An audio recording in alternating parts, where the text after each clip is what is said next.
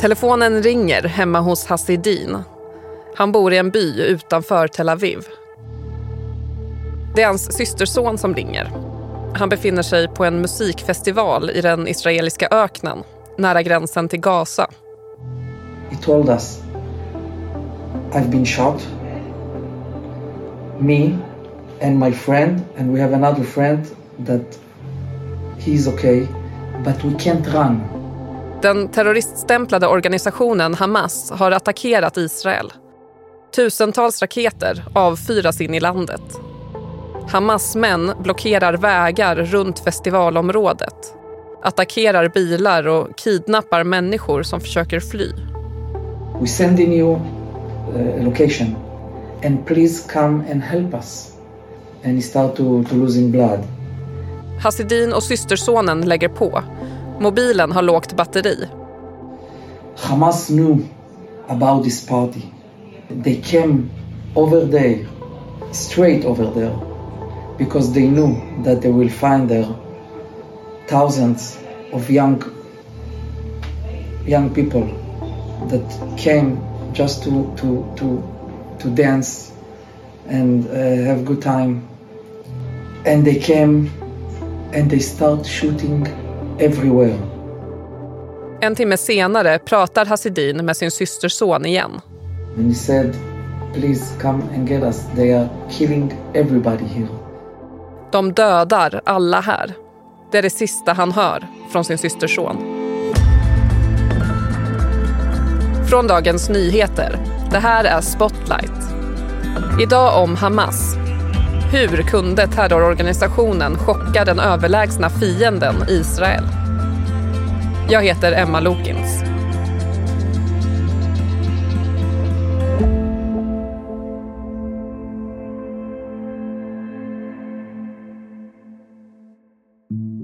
Israel har en av världens mest överlägsna arméer. Men den 7 oktober 2023 tar terrorgruppen Hamas sig över gränsen. Attacken ser ut att helt överrumpla den israeliska underrättelsetjänsten. Över hundra civila tas som gisslan. Den israeliska ledningen går ut och säger att det är krig. Men vilka är Hamas? Och vad vill de uppnå? För att förstå det backar vi bandet till 1987 när Hamas bildas i Gazaremsan som då är ockuperat av Israel. Gazaremsan, en smal kustremsa intill Egypten och Medelhavet. Ett relativt litet område. Den är ungefär fyra mil lång, som mest en mil bred och består till största del av öken. Nathan Shachar, du är DNs korrespondent i Jerusalem. Beskriv 80-talets Gaza. Om man går på en gata i, i, i Gaza stad eller i Ramallah 1987 så ser man mycket få traditionellt klädda kvinnor. Det finns en hel del ställen där man kan dricka öl. Flickorna på stranden i Gaza går i bikini. Man läser revolutionära tidskrifter. Eh, man dricker whisky på bröllopen. I 20 år har området varit ockuperat av Israel. Men trots att befolkningen inte lever i frihet är levnadsstandarden för palestinierna hög. De kan till exempel röra sig över gränsen för att arbeta i Israel. Men i december 1987 förändras livet för invånarna i Gaza. Ett palestinskt uppror bryter ut mot de israeliska ockupationsstyrkorna. Palestinierna i Gaza, på Västbanken och i östra Jerusalem kräver en separat stat. Under upprorets inledning växer en ny organisation fram. Eh, Hamas, i en mening, eh, har redan funnits i några år, eh, fast de inte har kallat sig Hamas. De har varit helt enkelt Gaza-filialen av den stora organisationen det muslimska brödraskapet, Ikhwan som de kallas på arabiska. En från början egyptisk organisation men som nu finns i, i många arabländer. Och, eh, men när, när upproret bryter ut så bestämmer sig de här muslimska bröderna i Gazastad att eh, de vill slita sig loss från brödraskapet och, och, och, sätta en annan rubrik på sin organisation och presentera sig som ett alternativ till den traditionella palestinska ledningen, Yasser Arafat och hans Fatah-parti.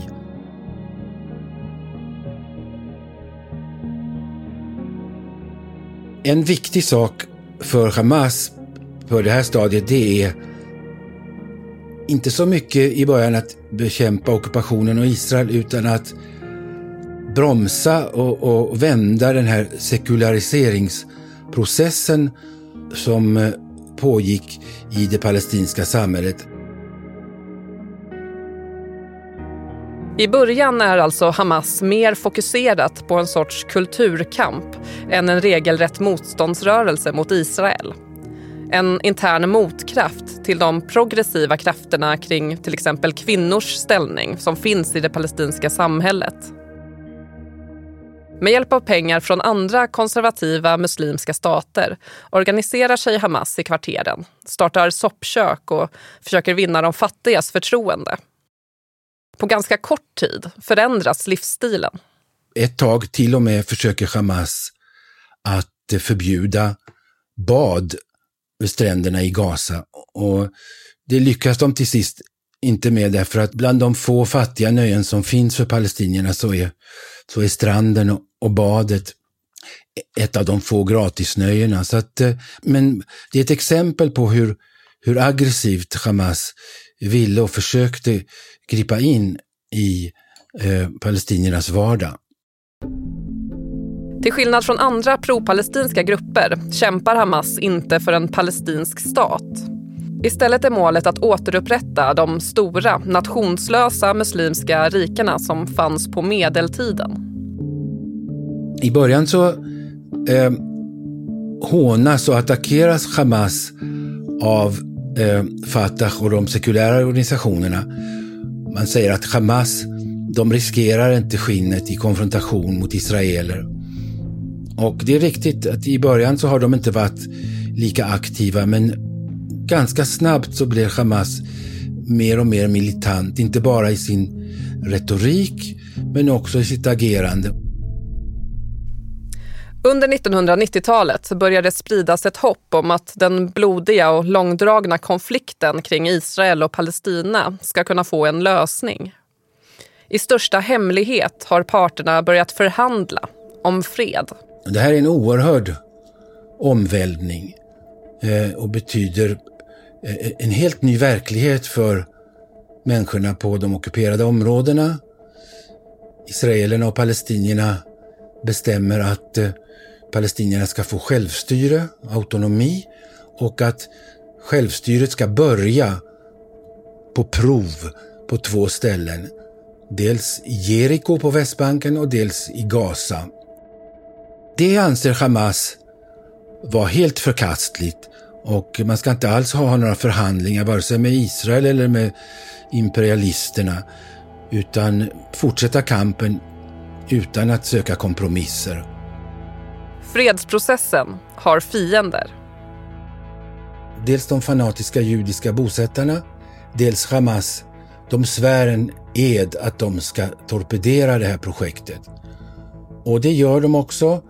Eh, en israelisk bosättare mördar 29 eh, bedjande muslimer i Hebron i februari 94 eh, och i ganska hastig följd därefter så exploderar många fullsatta bussar i Tel Aviv, Jerusalem och andra delar av landet. Och då har i och med det fredsmotståndarna fått vatten på sin kvarn. De säger att det blir aldrig fred, man kan aldrig lita på fienden. Det blir inte någon fred.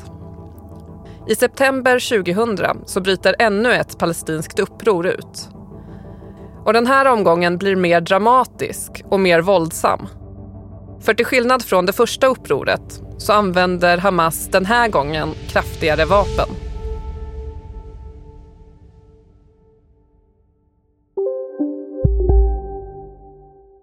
Har du också valt att bli egen? Då är det viktigt att skaffa en bra företagsförsäkring. Hos oss är alla småföretag stora och inga frågor för små. Swedeas företagsförsäkring är anpassad för mindre företag och täcker även sånt som din hemförsäkring inte täcker. Gå in på swedea.se företag och jämför själv. Hej, Ulf Kristersson här. På många sätt är det en mörk tid vi lever i. Men nu tar vi ett stort steg för att göra Sverige till en tryggare och säkrare plats. Sverige är nu medlem i Nato. En för alla, alla för en. De börjar med något mycket överraskande. De börjar skjuta egna hemmagjorda missiler, så kallade Qassam-raketer, mot israeliska städer närmast Gazaremsan. Få personer i Israel insåg att det här var ändå en, en, en, en strategisk vändpunkt. Därför att de här allt bättre och mer långskjutande raketerna, de skulle för första gången ge palestinierna en chans till avskräckning mot Israel. Att de hade något i sin verktygslåda som, som de skulle kunna skrämma israelerna med. Hamas förbereder sig på att ta över makten. De är inte bara en väpnad organisation utan har också en politisk gren. 2006 tar de sig in i de politiska rummen när de segrar stort i det palestinska parlamentsvalet. Det blir starten på en ny epok för palestinierna som blir bråkig direkt. Hamas är på pappret eh, palestiniernas ledare, men bara på pappret. Tills sommaren 2007 när Hamas gör en militärkupp i Gaza mot Fatah eh, och Fatahs polisstyrkor. Fatah är det mest etablerade palestinska politiska partiet. En mycket brutal och mycket framgångsrik kupp helt enkelt där Fatahs ledare flyr eh, via Israel till Västbanken. Och sedan dess så är Gazaremsan en islamistisk stat. På pappret en del av, av det palestinska självstyret men i praktiken en suverän stat. Nathan, hur fortsätter Israel att förhålla sig till Hamas under 2000-talet? Israel har, inte minst tack vare palestiniernas allt fler och allt farligare missiler blivit tvunget att ändå förhandla om vardagen med Hamas.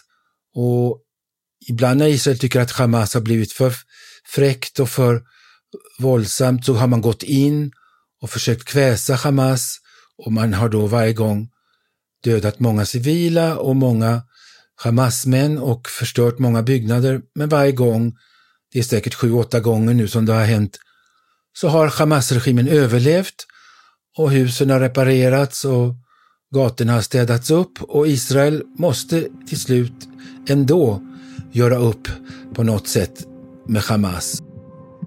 Och mannen bakom det här systemet, där Israel på sätt och vis tolererar Hamas, är Israels premiärminister Benjamin Netanyahu.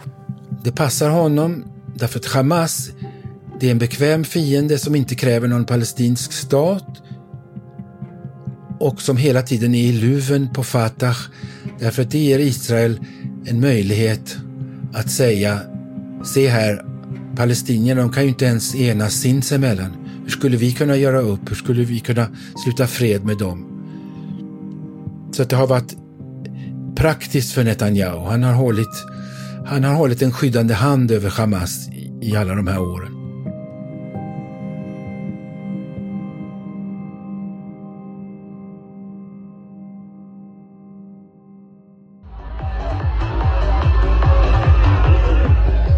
Festivalen har pågått hela natten. Fortfarande i gryningen dansar unga festivalbesökare. Det är en oktobermorgon 2023 i den israeliska öknen nära gränsen till Gaza. Men plötsligt tystnar musiken. en blixt från klar himmel. För israelernas del eh, första scenen i en skräckfilm. Sirener ljuder. På himlen syns raketer. Terrororganisationen Hamas har lyckats ta sig in i Israel. Något komplett oväntat, oförutsett. Sanden yr i luften när tusentals människor flyr för sina liv i det öppna ökenlandskapet.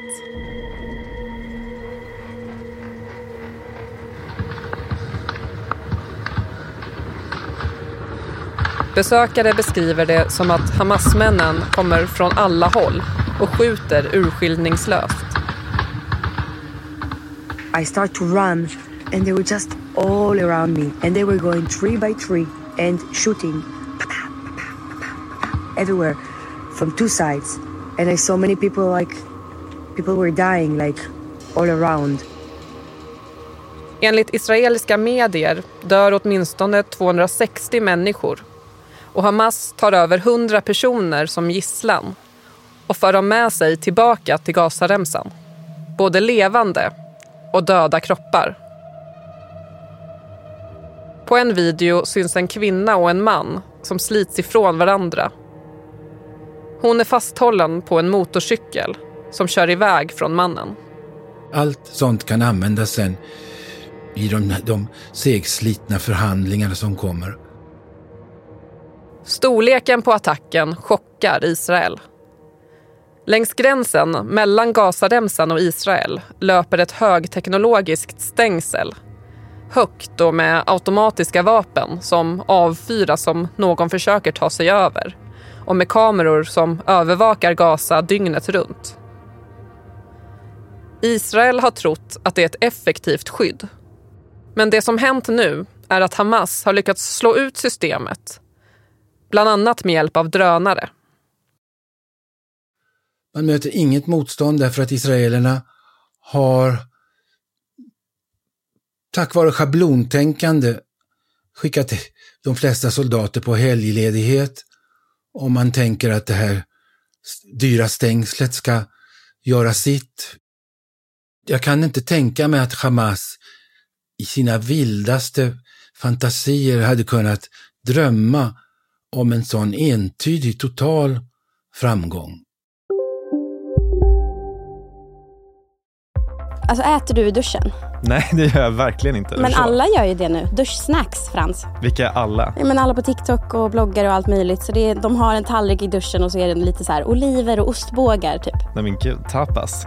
Där drar jag gränsen. Jag, jag kan sträcka mig till duschöl. Men annars så får man torka sig innan man hugger in på godsakerna. Ja, men lyssna på Nära vänner, en podd med mig Fanny och dig Frans med Expressen. Viktiga nyheter.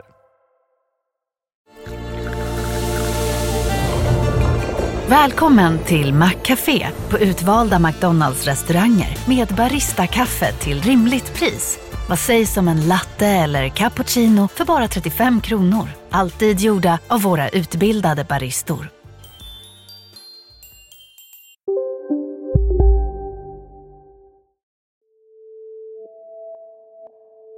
Och efter Hamas terrordåd bombar Israel Gaza. De israeliska attackerna beskrivs som de värsta någonsin. Och Hamas hotar att avrätta gisslan för varje flyganfall från Israel som genomförs mot civila utan förvarning. Hittills i de här konflikterna så har Israel haft ett stort intresse av att begränsa antalet civila döda i Gaza. Och därför så har man eh, en kvart innan man bombar en byggnad skickat en så kallad tom bomb, alltså bara hylsan till en bomb eh, som man släpper på ett tak och då hör alla det och då vet de att eh, det är dags att ge sig iväg. Ibland har man också ringt till någon i den här byggnaden och sagt till dem att utrymma. Den här gången så har man givit en varning som är mycket mer generell i vissa kvarter och sagt att alla i kvarteret måste ge sig iväg. Men på många, många ställen så har man bombat direkt utan någon förvarning. I synnerhet då i det här kvarteret Rimal där Gaza, där Hamas-ledarna har sina hem och där en stor del av, av Hamas pengar och bankväsende och, och viktiga kontor finns. Det här är... Man gör det, gissar jag, i tron att det här skulle sätta press på Hamas. Jag tror inte att det fungerar.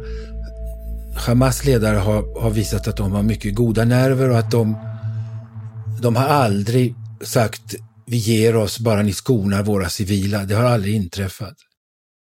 I attackerna från Hamas och Israel dödas och skadas tusentals personer. Anhöriga söker efter sina försvunna eller bortförda familjemedlemmar. Nathan, hur har Hamas lyckats orkestrera det här?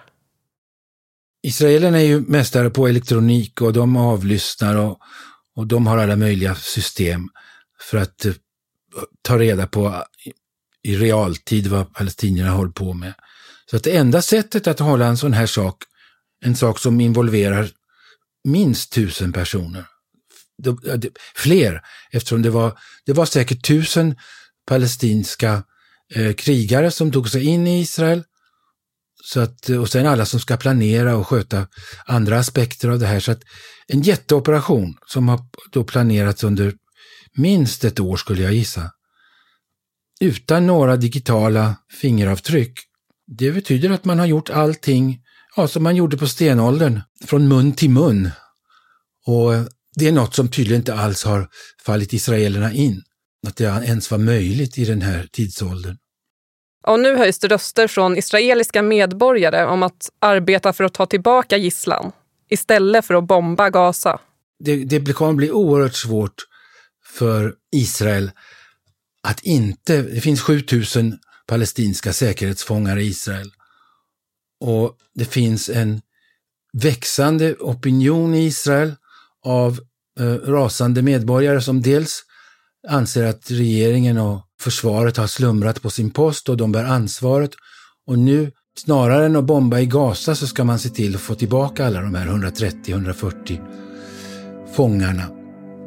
Så det här kommer att bli en, en, en, en stor komponent i, i den israeliska krisen som, som pågår. Det blir svårt för Israels regering att avstå från ett, ett totalt krig mot Hamas och om Hamas eh, förlorar makten och, och, och, dödas, alla deras ledare och, och, drivs från Gaza, då, då har man ju inget för alla de här värdefulla gisslan som man har tagit. Vad säger folk som du har pratat med? Jag talade med en bekant i Gaza som berättade att i, i början så, så var vi förstås överlyckliga över att, vi, att palestinierna äntligen hade slagit tillbaka och att nu får israelerna känna på, smaka sin egen medicin. Men sen sa han, när jag förstod vad som hade hänt inne i Israel, när Hamas var inne i Israel, när jag förstod vad som hade hänt där, då förstod jag att han sa, ve oss, sa han.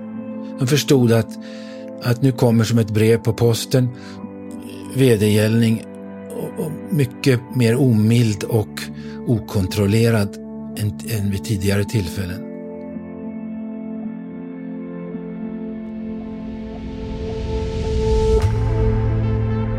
Du har lyssnat på Spotlight med mig, Emma Lokins.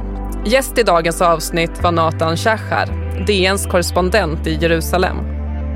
Producenter Sabina Marmelakai och Linnea Hjortstam. Ljudtekniker Patrik Miesenberger Ljudläggning och slutmix gjordes av Patricio Samuelsson som också har komponerat vignetten. Ljudklippen kom, förutom från DN, från Forbes, The Guardian, Washington Post, Daily Mail, The Sun och AP. Ansvarig utgivare för Dagens Nyheter är Peter Wolodarski.